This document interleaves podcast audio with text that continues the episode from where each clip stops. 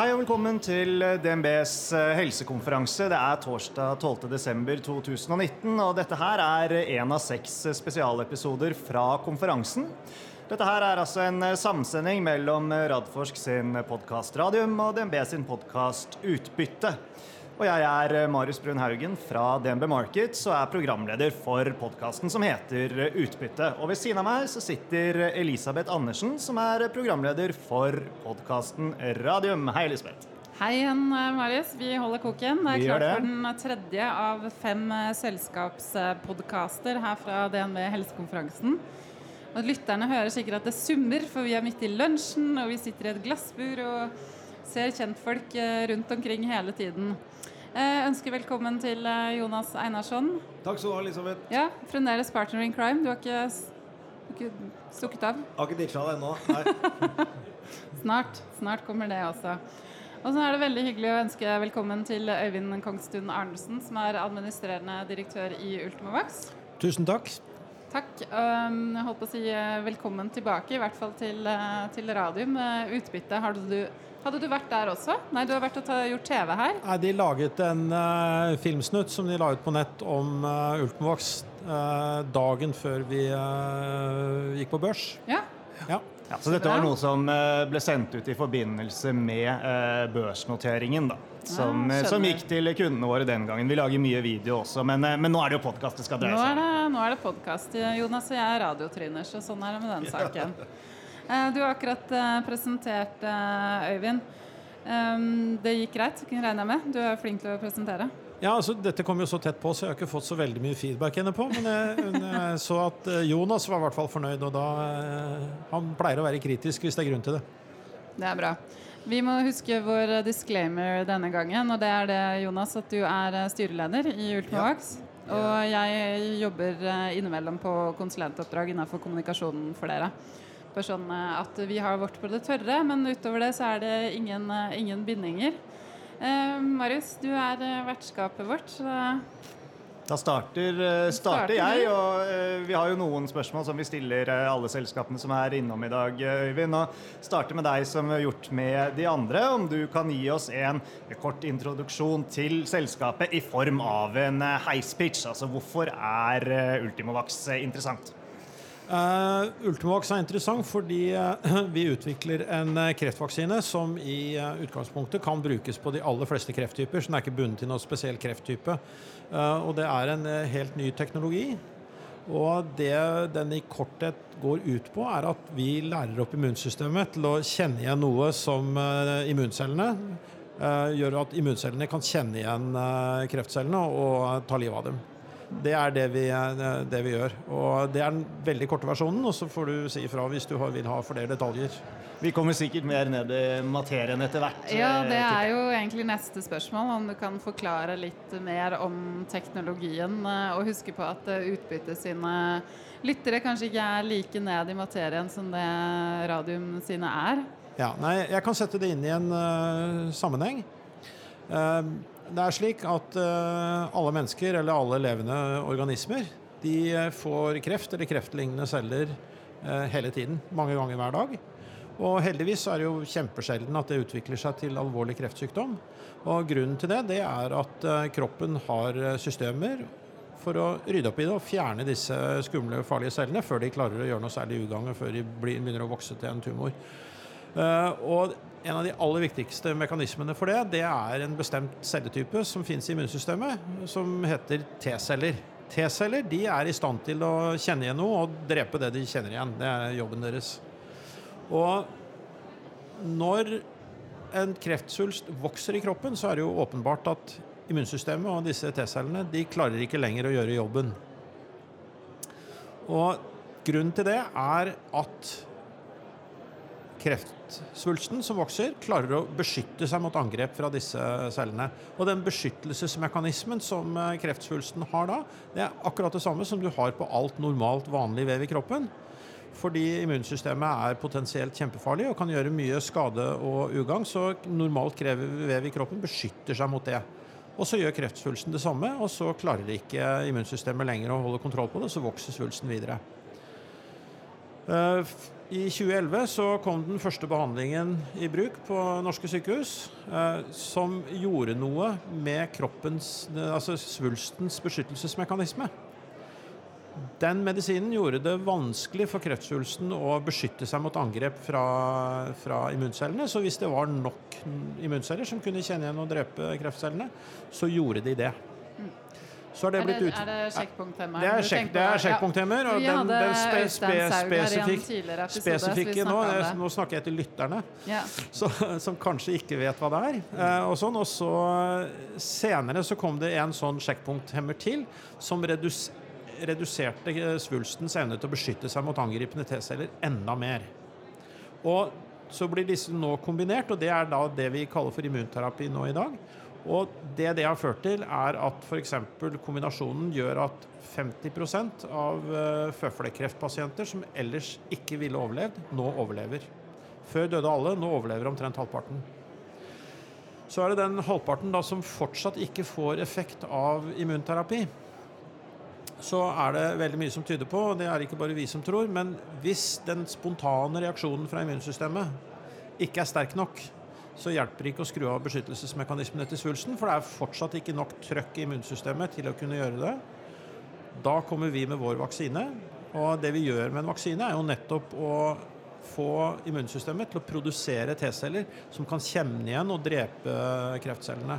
Og vi har kommet nå så langt i utviklingen at vi ser at, øh, og vi vet at øh, 80-90% av alle pasienter som vi vaksinerer, de får disse T-cellene. De gjør det, altså. Det er, helt, det, er, det, er, helt sikkert.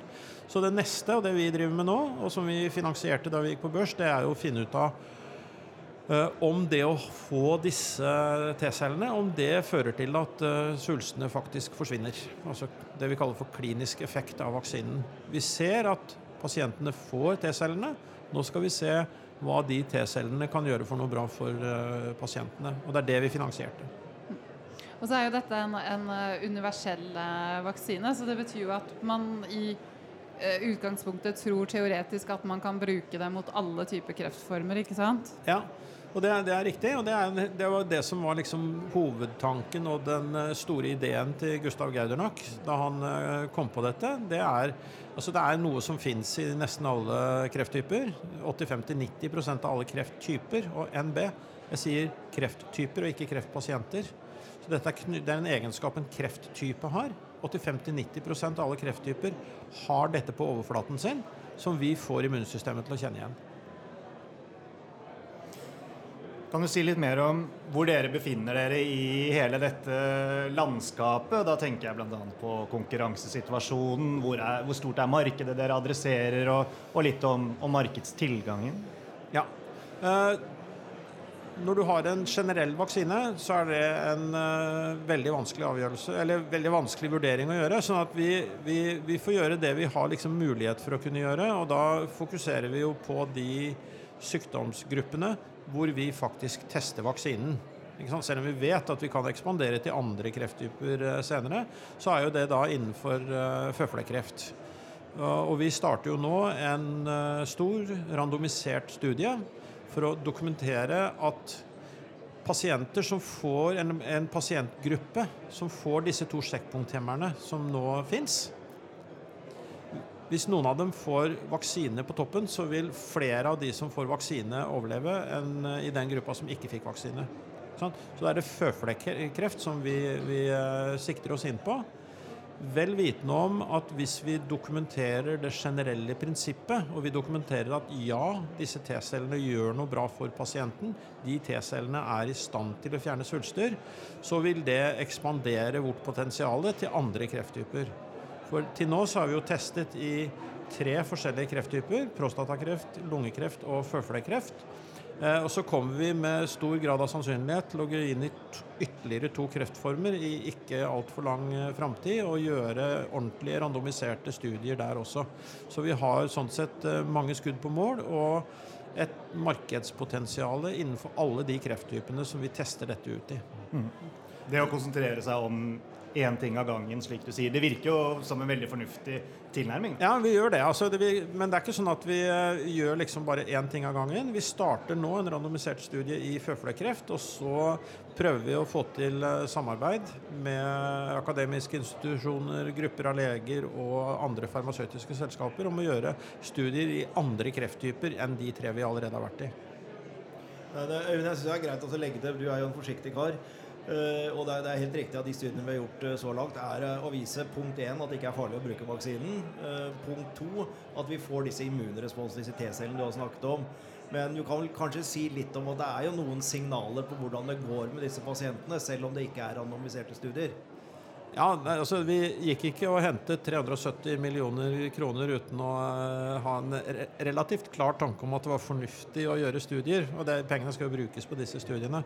Så det er klart vi har veldig sterke signaler fra de tre studiene vi har gjort om at dette en, gir en klinisk effekt. og jeg ble jo spurt om dette nå inne i salen, akkurat. Om, liksom, om eh, det du ser. altså Vi har det forholdet at syv uh, av 18 lungekreftpasienter Eh, er i live og har det bra fire år etter at de blir vaksinert, og ikke har fått noen annen immunterapi i løpet av de fire årene, er et veldig sterkt signal. Det er høyst uvanlig at, uh, at, det skjer uten noen form for behandling. Og at det er et sånt veldig veldig sterkt signal på at uh, vaksina faktisk virker.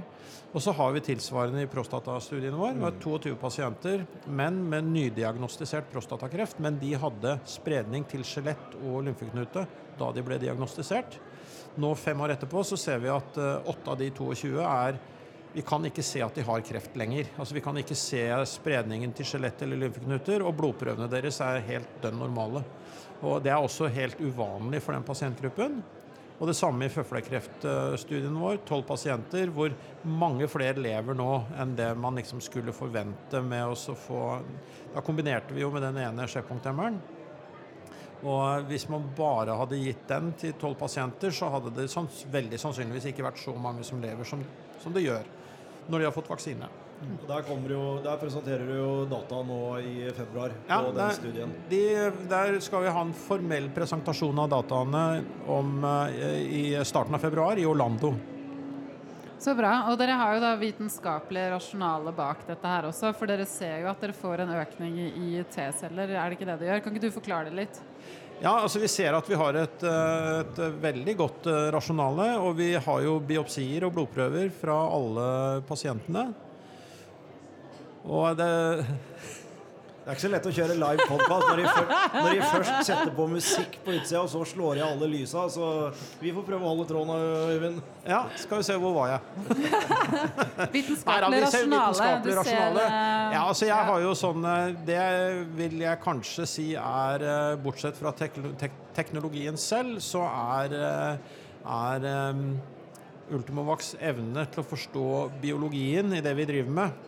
Uh, betydelig. Altså vi har eh, over halvparten av de som jobber i Ultimax, har eh, doktorgrad i dette fagområdet. og det er, Så det er veldig veldig høy fagkompetanse. og vi En ting er at vi forstår uh, hva vi, ser, hva vi liksom gjør og har et rasjonale for det. En annen ting er at vi forutsier. Vi prøver å forutsi hva, vi, hva, vi, kommer til å finne i blodprøver og biopsier fra pasientene, og det stemmer stort sett. altså. Bare sånn av nysgjerrighet, eh, ettersom dere nå eh, kommer lenger og lenger framover i eh, utviklingen av det dere holder på med, og oppnår lovende resultater, blir det også da lettere å rekruttere inn nye ressurser og bygge hele selskapet videre? Ja, så Vi har laget en utviklingsplan. Eh, og, sånn, og Der har vi jo planlagt hva vi skal gjøre, og hvordan vi skal bygge ut uh, selskapet. og sånn, Så nå er vi nå, Det vi gjør nå, er jo å sørge for at vi gjør det vi har sagt vi skal gjøre. At vi holder de tidsplanene vi har sagt. At vi uh, ikke bruker verken mer eller mindre penger enn vi har sagt. Og at dette var en, en plan som holder vann, og som vi er fullt i stand til å gjennomføre. Og det gjør det. Altså det, går, det går veldig fint. Sånn.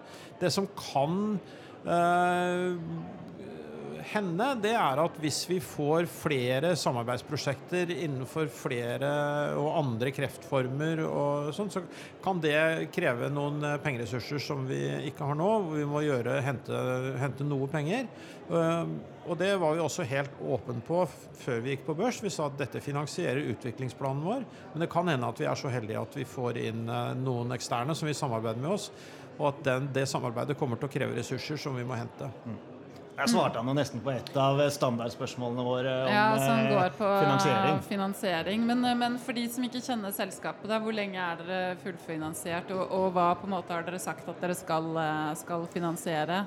Vi er fullfinansiert, og det inkluderer da hele utviklingsplanen sånn som den ligger, ut 2022. Uh, og at vi har uh, selvfølgelig litt å gå på, sånn at ikke kassa er tom idet vi leser ut resultatene, men at vi har ressurser til å fordøye og kunne, kunne forholde oss til dataene som vi får da. Mm. Og det er i det tidsrommet man eventuelt kan se for seg at man søker om markedsgodkjennelse? Altså Nå er det så mye bråk, så jeg ikke hørte hva du sa. Slutt å bråke, Marius. Hæ? Ikke slutt på meg. Nei, men Er det i det tidsrommet 2023-2024 at dere da ser for dere å søke markedsgodkjennelse? Ja, Det kommer helt an på resultatene fra den eh, kliniske studien, selvfølgelig. Men vi leser ut dataene da. Eh, og hvis de er av en sånn karakter at vi mener det er forsvarlig å søke om eh, godkjenning av vaksinen, så gjør vi det da. Mm. Men det vil jo da, siden dette er en randomisert studie med 154 pasienter, så vil det da i tilfelle mest sannsynlig være en såkalt midlertidig godkjenning, hvor vi kan gå i markedet med medikamentet, men hvor vi blir pålagt å gjøre en større fase 3-studie. Men den vil jo da bli finansiert gjennom at uh, vaksinen da er blitt kommersiell. Mm.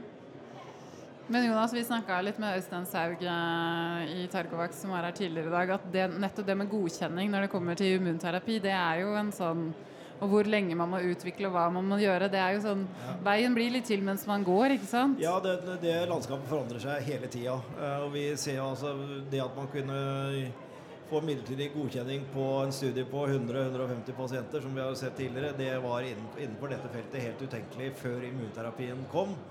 Eh, så jeg syns eh, Øyvind svarer opp det veldig riktig, og det er å si at det kan, under forutsetning av at alt klaffer og at dataene er gode nok, så kan man få en midlertidig godkjenning en tre til fire år etter man har starta en sånn randomisert studie. Men eh, det er ikke sånn at det da er et endelig svar. Sånn at det, det, det, det er et mulighetsrom. Eh, og, og, da må ikke folk tro liksom at det er helt sikkert at, er, at den midlertidige tillatelsen kommer om tre år. Det er helt avhengig av dataene, og det er jo det vi, vi skal lese av. Det er vel én ting som er sikkert i den bransjen, og det er at ingenting er sikkert. Det er helt sikkert. Når vi ser inn i 2020, hva regner du med blir de viktigste milepælene for uh, dere? Eh, de viktigste milepælene det er eh, oppstart av denne store randomiserte studien. Altså vi er kommet veldig langt inn i, i, planleggingen. Det er veldig god respons på sykehus rundt i verden for å bli med i studien og gjøre det. Det er, det er virkelig god respons. Uh, og vi har jo da som ambisjon at vi skal ha første pasient inn i den studien uh, innen utgangen av Q1 i, uh, til neste år. Det er en stor sak. Så vi, kommer vi med disse dataene på overlevelse i føflekkreftstudien. De kommer vi på med i starten av februar. og så regner vi med at vi har jo også en fase 1-studie gående i USA, føflekkreft i kombinasjon med en sånn sjekkpunkthemmer, pembrolizumab. Um, og den uh, regner vi med er fullrekruttert i løpet av veldig kort tid nå rett over nyåret. Det tar ikke så veldig lang tid å få, få, gjort det ferdig. Vi mangler, vi har 30 pasienter, vi har 21 inne, og inklusjonen går fort. Og sykehusene er aktive og gode, så det, det ser bra ut. Det er de, de nærmeste litt større nyhetene. Og så kan det jo hende også at vi får uh, utfall av disse diskusjonene om å starte studier i andre krefttyper. Kan jo også komme i løpet av ganske kort tid. Så ting er uh, on track og, og, og, går i stor grad som dere har planlagt for tidligere, er det, er det riktig? Ja, det gjør det. Og det er sånn jeg sier, det er ikke noen humper i veien eller skjær i sjøen eller noe som jeg liksom uh, jeg sover godt om natta. Ja, ikke sant? Og det, det er jo bra. Jeg må jo si som, som styrer selskapet at det, det å følge det teamet som eh, Øyvind har satt sammen, det er eh, utrolig morsomt. Og de er eh, fantastisk dyktige mennesker med virkelig erfaring innen, innen dette feltet. Og det, det å få designet disse studiene på riktig måte og, og sørge for at pasientene kommer inn og at man får gjennomført studiene, det er alfa og omega for et utviklingsselskap som dette. Og det er, det er virkelig et veldig kompetent team som jobber med dette. Så bra. Det er jo bare å, eh, å glede seg til eh, 2020 og, og, og nyhetsstrømmen, da, som forhåpentligvis eh, kommer eh, etter hvert. Ja, da, det er eh, Ja, jeg gleder meg veldig til å så jeg kjenner jo en del av det, sånn, men jeg gleder meg veldig til å offentliggjøre det. Det, det tror jeg på. Vi har spurt om eh, spørsmål fra lytterne, men vi har ikke fått inn noen fra dere. Så det konkluderer jeg egentlig med at da er ting krystallklart fra din side. Da har du vært god til å Ja, det er. Enten så har de skjønt alt, eller så er de ikke interessert.